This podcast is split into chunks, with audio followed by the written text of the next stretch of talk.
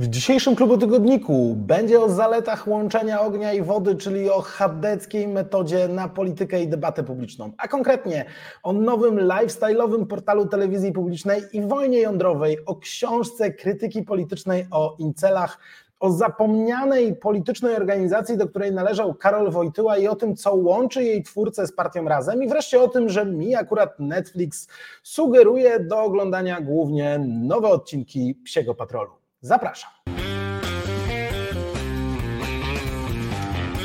Tygodnik Trudnowskiego.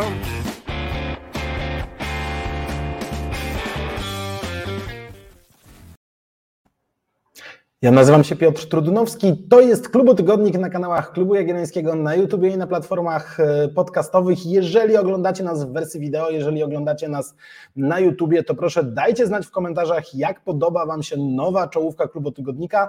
Zapowiadaliśmy szereg zmian od e, nowego sezonu, od początku nowego roku akademickiego. Pierwsze z nich, takie jak ta czołówka, już możecie zobaczyć. To przede wszystkim oczywiście nowy format na naszym kanale, czyli cotygodniowa rozmowa Pawła Musiałka w programie Szanowne Państwo w sobotę o godzinie 12 możecie oglądać kolejne ciekawe, ważne rozmowy z ekspertami o państwie, właśnie o tym, jak je reformować, jakich reform potrzebujemy i jak przed jakimi problemami stoimy. To nie koniec naszych planów, będzie więcej, dlatego bardzo serdecznie proszę Was o wsparcie finansowe naszej działalności.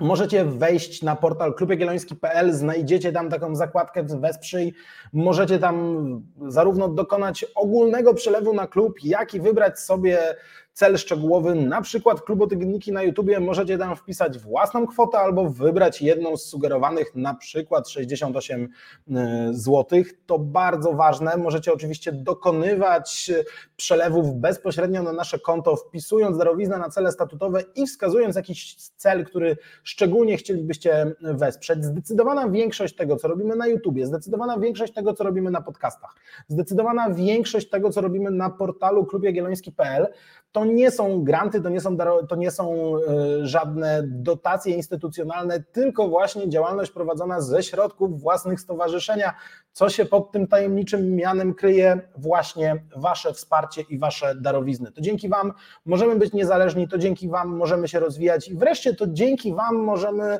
jakoś próbować przebijać ideologiczne i społecznościowe bańki i proponować inną metodę kształtowania debaty publicznej i inną polityczną metodę niż ta, do której nas te bańki społecznościowe i ideologiczne kierują. A właśnie o tym chcę opowiedzieć w dzisiejszym odcinku, chcę opowiedzieć o tym, jak bardzo nasza debata publiczna jest zdegenerowana przez efekty potwierdzenia, przez bańki, przez stereotypy, którymi się posługujemy i uprzedzenia, jakie mamy do politycznych konkurentów i o tym, że to, co proponuje od jakiegoś czasu Klub Jagielloński, czyli próba odnowienia katolickiej nauki społecznej, chrześcijańskiej demokracji i posługiwanie się w polityce i debacie publicznej właśnie metodą chadecką jest odpowiedzią na wyzwania, które dzisiaj przed nami stoją. A żeby to zrobić, opowiem Wam kilka historii. Historia, od której zacznę, być może części z Was nie zaskoczy, być może gdzieś Wam mignęła w mediach społecznościowych, to historia mojego tweeta z ubiegłego piątku. Nie ukrywam, zakładałem, że uda się nim wywołać pewnego rodzaju kontrowersje, że uda się nim przeprowadzić pewnego rodzaju eksperyment, ale skala zainteresowania mnie przerosła. Napisałem, Netflix, HBO, większość filmów współczesnych kręci się wokół kobiet. Biały, heteroseksualny, przeciętny mężczyzna pojawia się tam jako dodatek, rzadko główna postać. Często głównym bohaterem jest gej, który świetnie dogaduje się z kobietami, nawet w TVP. Jest serial z parą gejów. Ci z Was, którzy oglądają nas na YouTubie, dostrzegą też w tym twicie na jego końcu gwiazdkę. Jak łatwo się domyślić, ta gwiazdka nie była bez znaczenia. No ale tak, y, komentarzy były setki, y, prześmiewczych, y, hejterskich, polemicznych również. Zasięg tego tweeta sięgnął 300 tysięcy prawie wyświetleń na Twitterze. Cała masa z tych komentarzy odnosiła się do tego, jak to stereotypowe funkcjonowanie prawicy i dostrzeganie wielkiego zła we współczesnej kulturze. Przytoczę dla Was kilka z tych co bardziej cenzuralnych, a jednocześnie moim zdaniem pokazujących o co chodziło e, tweetów. Naprawdę jedyne, co Was w KJ wyróżnia na tle reszty obłąkanej prawicy w Polsce, to że potraficie pisać po polsku i w innych językach bez błędów długie teksty, ale brednie dokładnie takie same. Anka Adamczyk, legalna aborcja. Przysięgam, polska prawica to jest mem, to jest przecież niemożliwe, żebyście wyistnieli naprawdę i na trzeźwo takie rzeczy pisali pod własnym nazwiskiem. To stereotypy stricte o prawicy i naszej organizacji. Sporo było też docinków bardziej osobistych. Z tych sympatyczniejszych był wpis pani Anny Górskiej z partii Razem, ale że z pana też taki płateczek śniegu, to bym się nie spodziewała. No, tak jak powiedziałem, to jeden z sympatyczniejszych, cała masa, jak to w liberalno-lewicowym środowisku, bardzo ciekawych sugestii na temat tego, że ukrywam swoją orientację seksualną, że oglądam na Netflixie, HBO i innych platformach internetowych filmy z gejami i dlatego Netflix mi takie sugeruje. Pani matka Polka ulepszona może po prostu nie lubi kobiet. Dużo bardziej wprost pan Roman patrzy, nie musisz się tak wstydzić, że masz problem z akceptacją swojej orientacji. Kaczyński całe życie się krył a na starość został nienawistnym i zgorzkniałym łajdakiem. Przegrał życie. Można podsumować innym tweetem: Klub Jagielloński i wszystko jasne. Udało się również lekko wykroczyć poza twitterową bańkę. E, artykuł poświęcić mojemu tweetowi postanowił portal Aż Dziennik. Koszmar prezesa klubu jagiellońskiego. Nie wszystkie filmy są o heteroseksualnych mężczyznach. Napisał Aż Dziennik. Jak się łatwo domyślić, czas przejść do gwiazdki e, i do tego haczyka, który był tutaj ukryty. Ja nie ukrywam, dość słaby jestem w Netflixy i HBO. Prawdę mówiąc, e, oglądają na Netflixie głównie moje dzieci chyba więcej niż e, powinny i w związku z tym tak naprawdę to, co nam Netflix sugeruje, to głównie nowe odcinki Psiego Patrolu, a właściwie kolejne oglądanie tych samych. Ostatnio jeszcze doszła Frytka i Kartofelcia.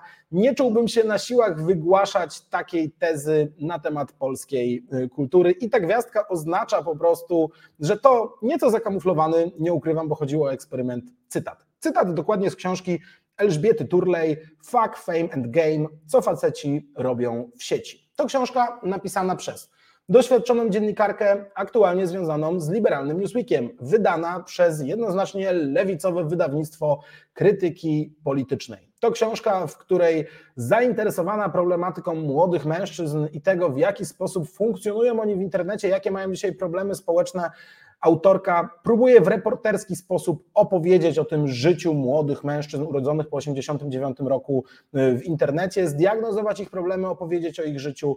Książka kończy się aneksem E, który jest rozmową z Krzysztofem Pacewiczem. Krzysztof Pacewicz, lewicowy dziennikarz Gazety Wyborczej, autor czy koordynator takich badań dotyczących problemów młodych mężczyzn, które ja swoją drogą kiedyś w jednym z klubu tygodników na pewno cytowałem, bo to były bardzo ciekawe e, badania. Ona nie ukrywa, że te badania zainspirowały ją do napisania tej książki. No i pod koniec pracy nad tą książką przeprowadzili e, rozmowę. Z tej rozmowy właśnie pochodzi fragment, który cytowałem.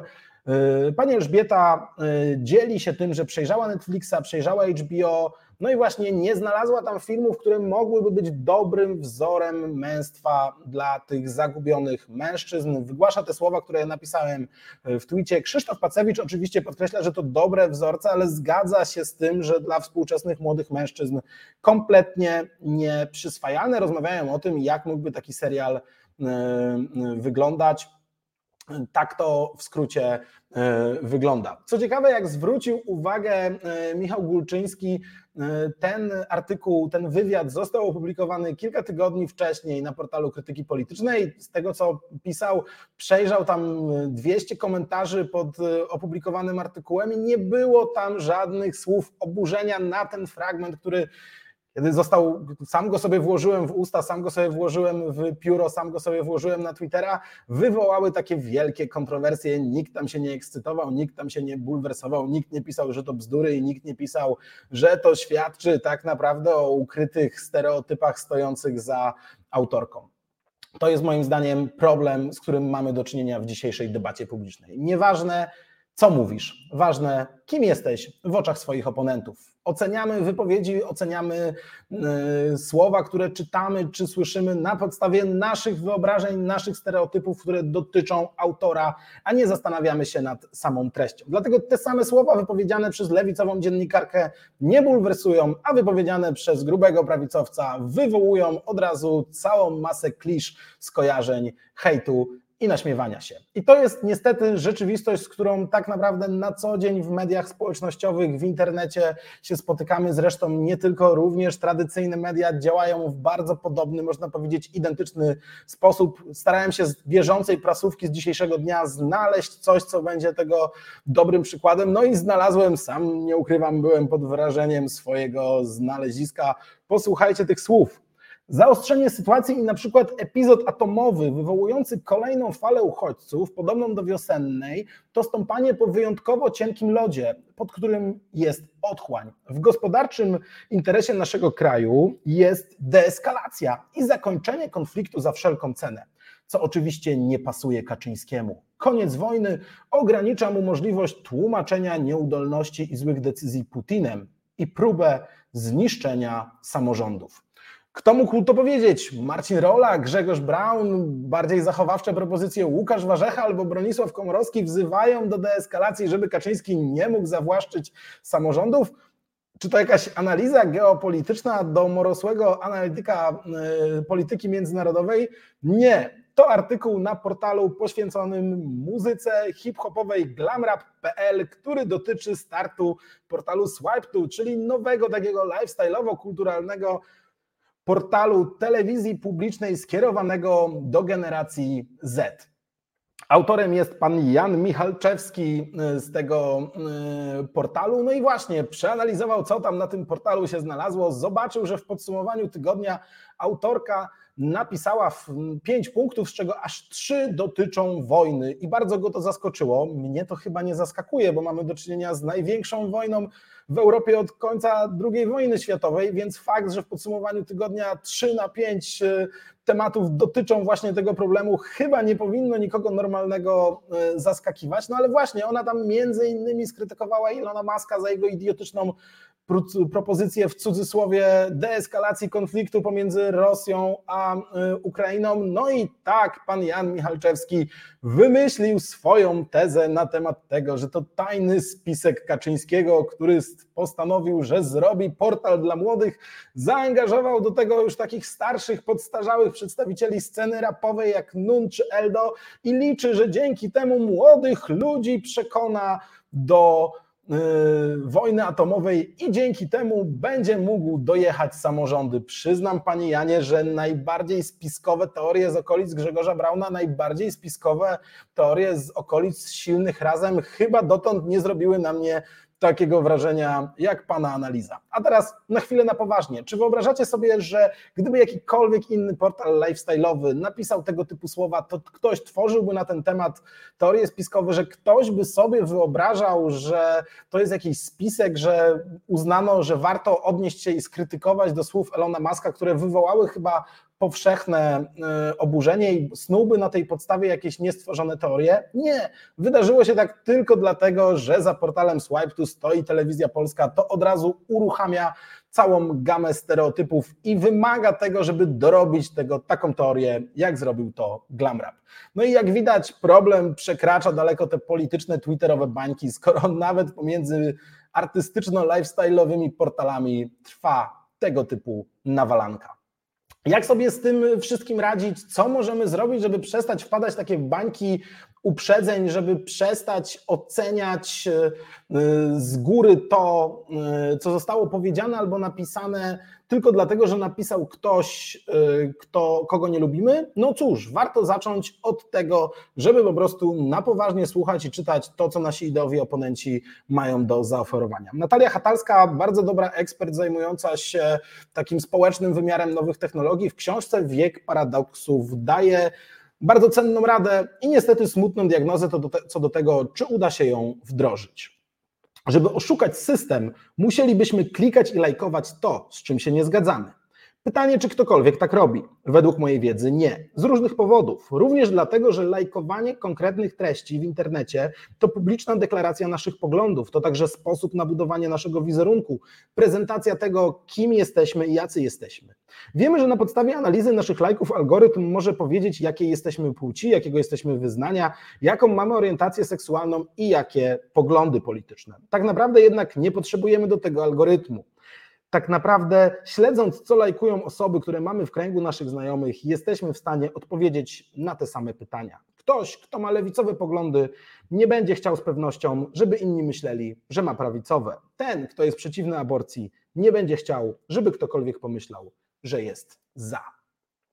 Ta rada, która jest na początku y, tego cytatu, czyli zacząć lajkować, zacząć śledzić, zacząć czytać E, to, co mają do powiedzenia nasi ideowi konkurenci, to jest absolutna podstawa tego, w jaki sposób powinna wyglądać nasza informacyjna higiena. Dlatego między innymi w Klubie Jagiellońskim za ważne uważamy czytanie książek krytyki politycznej i mamy nadzieję, że przedstawiciele lewicy również starają się czytać prawicowe treści i podchodzić do nich bez większych e, uprzedzeń. Ale przywołam teraz jeszcze jedną podobną historię. Kosma Nykiel e, zauważył na Twitterze, że do tej mojej prowokacji na Twitterze. Podobna była swego czasu prowokacja zorganizowana przez partię Razem. Oni zaczęli publikować kilka razy, zresztą już to robili tego typu tweety. Uspołecznienie własności wielkokapitalistycznej i zorganizowanie sprawiedliwego podziału dochodu społecznego. Zapewnienie masom pracujących współkierownictwa i kontroli nad gospodarką. Swoboda walki dla klasy robotniczej o jej prawa w ramach nieskrępowanego ruchu zawodowego. Łatwo pewnie domyślicie się, co kiedy takie postulaty programowe zaczęła publikować partia Razem, zaczęło się dziać w komentarzach. Lipki konserwatywne i lipki liberalne zaczęły się z tego naśmiewać, oskarżać partię Razem o zdradę, o poglądy Polpota, o komunizm, o cytowanie Lenina, o chęć doprowadzenia Polski do socjalistycznego upadku. No a tymczasem była to okolicznościowa wrzutka historyczna, a nie aktualne postulaty partii Razem. Dokładnie były to fragmenty takiego dokumentu jak Testament Polski Walczącej. Testament Polski Walczącej to taki dokument wydany 1 lipca 1945 roku przez y, Radę Jedności Narodowej, przez ekspozyturę polskiego państwa podziemnego, które u progu zajmowania Polski, w momencie zajmowania Polski przez Sowietów, pisało o tym, jakiej Polski Polski po wyzwoleniu y, chcą ci, którzy walczyli o polską niepodległość. I tam między innymi te socjalne postulaty y, znajdziemy. Co ciekawsze, i to już chyba wprowadzi w konfuzję wszystkie strony, nie tylko liberalnych i konserwatywnych lipków, ale również lewicę i przedstawicieli partii Razem,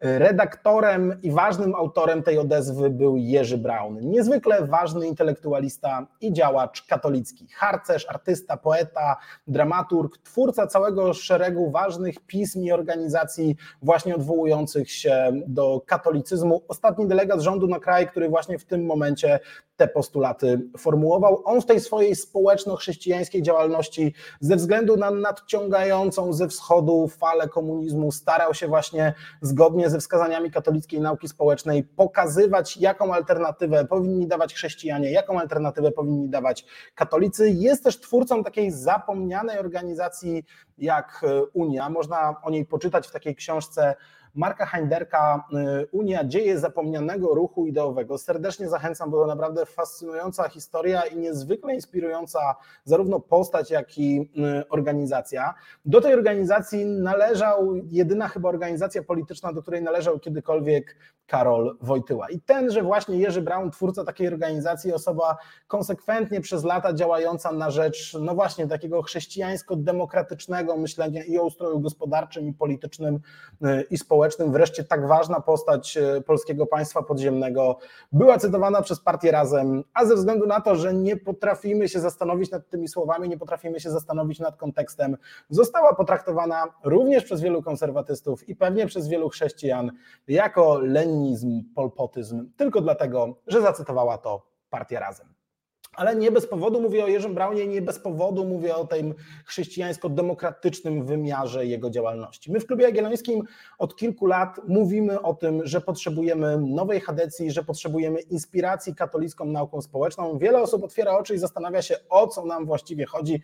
Ci, którzy uprzedzeni są do kościoła, ci, którzy są uprzedzeni do chrześcijaństwa, widzą w tym po prostu Y, próbę ukrycia naszego bardzo konserwatywnego backgroundu. Inni z kolei uważają, że to jakieś lewackie wymysły, chęć powtórzenia drogi zdegenerowanych zachodnich chadeków, którzy porzucili chrześcijańskie y, wartości, albo w najlepszym razie, że tak naprawdę w mówieniu o Hadecji chodzi nam o zbudowanie sojuszu Szymona Hołowni z Kosiniakiem Kamyszem, a tymczasem chodzi nam o coś zupełnie innego o stosowanie właśnie takiej chadeckiej metody w debacie publicznej i w polskiej polityce. I tutaj muszę to powiedzieć wprost, tak naprawdę cała katolicka nauka społeczna, cała chrześcijańska demokracja jest ufundowana na tym, czego tak bardzo dzisiaj potrzebujemy.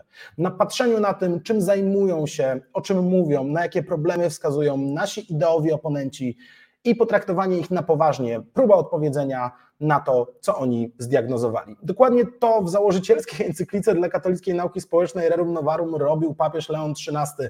To on dokładnie dostrzegł wtedy i nazwał to wprost, że y, tak naprawdę sprawa robotnicza, sprawa świata pracy jest niezwykle dużym wyzwaniem, że jest tym obszarem, w którym jest gwałcona godność człowieka. I tak naprawdę socjaliści, komuniści, marksiści to dostrzegli, zaczęli budować organizacje, zaczęli próbować odpowiedzieć na te problemy. Postawili właściwą diagnozę, ale mają do zaoferowania fałszywe recepty. I my tak naprawdę, jako strona kościelna, jako chrześcijanie, musimy wziąć te ich diagnozy, musimy zastanowić się nad tym, na czym polega problem e, robotniczy, na czym polega problem ludzi pracy i spróbować jakoś na te wyzwania odpowiedzieć. Co więcej, wprost w tej encyklice papież Leon pisze o tym, że bardzo wielu ludzi zbłądziło ze względu na to między innymi, że zostali przez tę stronę chrześcijańską opuszczeni, że zostali pozostawieni na pastwę e, lewicy, że oni odeszli od kościoła, że ich życie, że ich poglądy bardzo odbiega od wartości, które kiedyś były im bliskie. I to właśnie o nich mówi papież Leon XIII,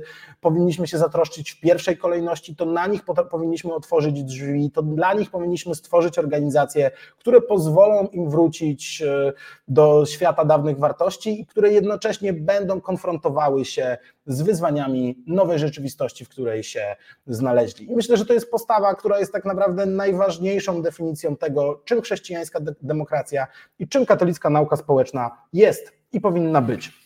Ale mówiąc bardziej praktycznie, y, mam jeszcze cytat z jednej encykliki, tym razem papież Jan XXIII, encyklika Mater et Magistra. Posłuchajcie. Zasady nauki społecznej wprowadza się zazwyczaj w życie w trzech kolejnych etapach.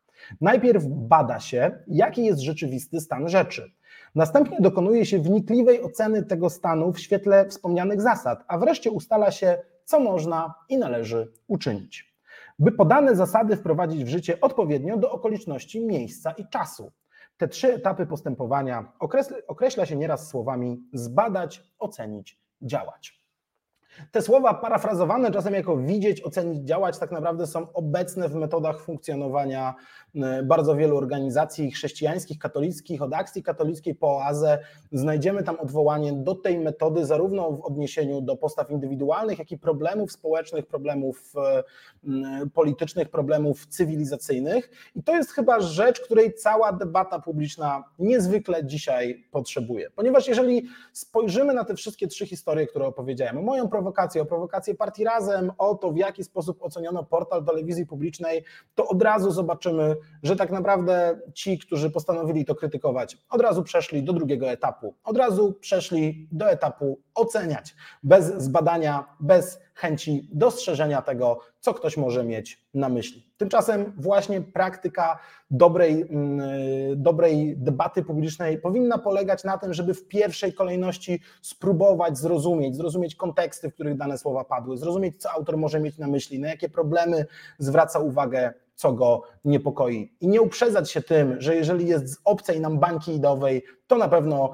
ma złe intencje. Dokładnie mówiąc o nowej hadecji w klubie jagiellońskim, to chcemy robić. Nie bierzemy pod uwagę tego, że dotychczas tematy takie jak na przykład, nie wiem, ekologia, nowe technologie, kryzys samotności czy kryzys zdrowia psychicznego, to były problemy w pierwszej kolejności interesujące lewicę, tylko zakładamy, że oni zdiagnozowali jakiś ważny problem i naszym wyzwaniem jest dzisiaj zbadać ten problem, z, ocenić na ile diagnozy zostały postawione celnie, ocenić je z perspektywy naszych wartości i zaproponować metody działania, które mogłyby być lepsze od tych, które są proponowane przez naszych ideowych konkurentów. I tak naprawdę, kiedy w klubie jagiellońskim słyszycie o nowej Hadecji, to pamiętajcie o tym, że właśnie takie konfrontowanie się z rzeczywistością, czerpanie z tego, co nasi ideowi konkurenci mają do y, zaoferowania, branie na poważnie ich diagnoz i próba postawienia recept z głowy na nogi y, jest niezwykle ważna i bardzo serdecznie Was do tego zachęcam.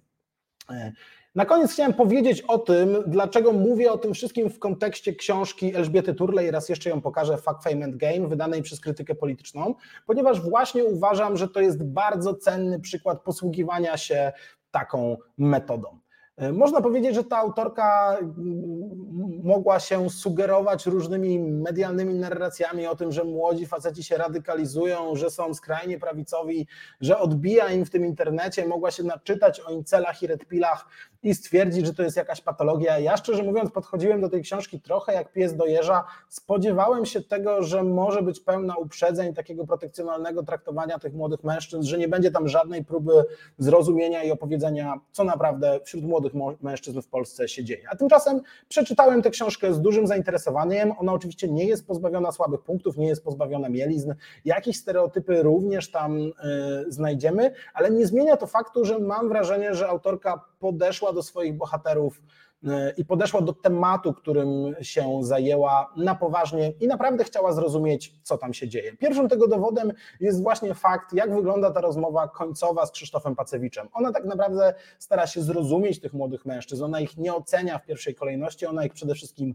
widzi, bada i w jakiś sposób nabywa pewnego rodzaju empatii wobec nich. Można powiedzieć, że mówi o nich wręcz z pewnego rodzaju dobrze rozumianą czułością czy zrozumieniem. Oboje, oboje rozmówcy pochylają się nad tymi ludźmi, ludźmi z problemami, nie w sposób protekcjonalny, ale w taki sposób, żeby naprawdę dostrzec E, wyzwania, przed którymi stoją. Dlatego mogą wypowiedzieć takie słowa, które wszystkim się kojarzą z prawicowym stereotypem, bo obcując z tymi mężczyznami, naprawdę zaczęli rozumieć, w czym leży problem. Jeszcze ciekawsze jest to, że tak naprawdę taką wspólną osią tej całej książki jest dostrzeganie przez autorkę, ona sama o tym pisze wprost e, w samym wstępie do tej książki, dostrzeganie, że źródłem wielu nieszczęść, wielu e, przejawów samotności, niedocenienia młodych mężczyzn w Polsce jest deficyt wychowania w zdrowej, pełnej rodzinie. Wraca tam jak bumerang Y, tęsknota za ojcem, ojcem, który albo był zupełnie nieobecny, albo wychowali się w rozpadających małżeństwach, albo rodzice byli zajęci czymś zupełnie innym, nie mieli dla nich czasu. I źródłem tych wszystkich nieszczęść, frustracji, samotności, y, smutku i różnych krytykowanych przez autorkę postaw w tej książce tak naprawdę jest deficyt tradycyjnego rodzinnego wzorca. Można powiedzieć, jak na autorkę krytyki politycznej, bardzo cenna obserwacja, można powiedzieć, że niezwykle konserwatywna i niezwykle bliska myśleniu chrześcijańsko-demokratycznemu. I wydaje mi się, że warto docenić, kiedy nasi ideowi oponenci potrafią zgodnie z taką chadecką metodą, choć pewnie sami by tak tego nie nazwali, również funkcjonować. Jestem bardzo ciekaw Waszych opinii o tej całej sytuacji. Jestem ciekaw, czy dzięki temu, co powiedziałem, lepiej rozumiecie, o co chodzi klubowi jagiellońskiemu z nową chadecją. Mam nadzieję, że również będziecie nieco bardziej ostrożni w internecie i będziecie się starali zgodnie z tą zasadą zbadać, ocenić, działać, patrzeć na różne problemy i zjawiska, które w internecie, w debacie publicznej, w polityce zobaczycie mniej uprzedzeń, więcej podchodzenia na poważnie do problemów, które nasi oponenci starają się wprowadzić do debaty publicznej, bo tylko dzięki temu jesteśmy w stanie te problemy naprawdę zrozumieć. Dzięki i do zobaczenia.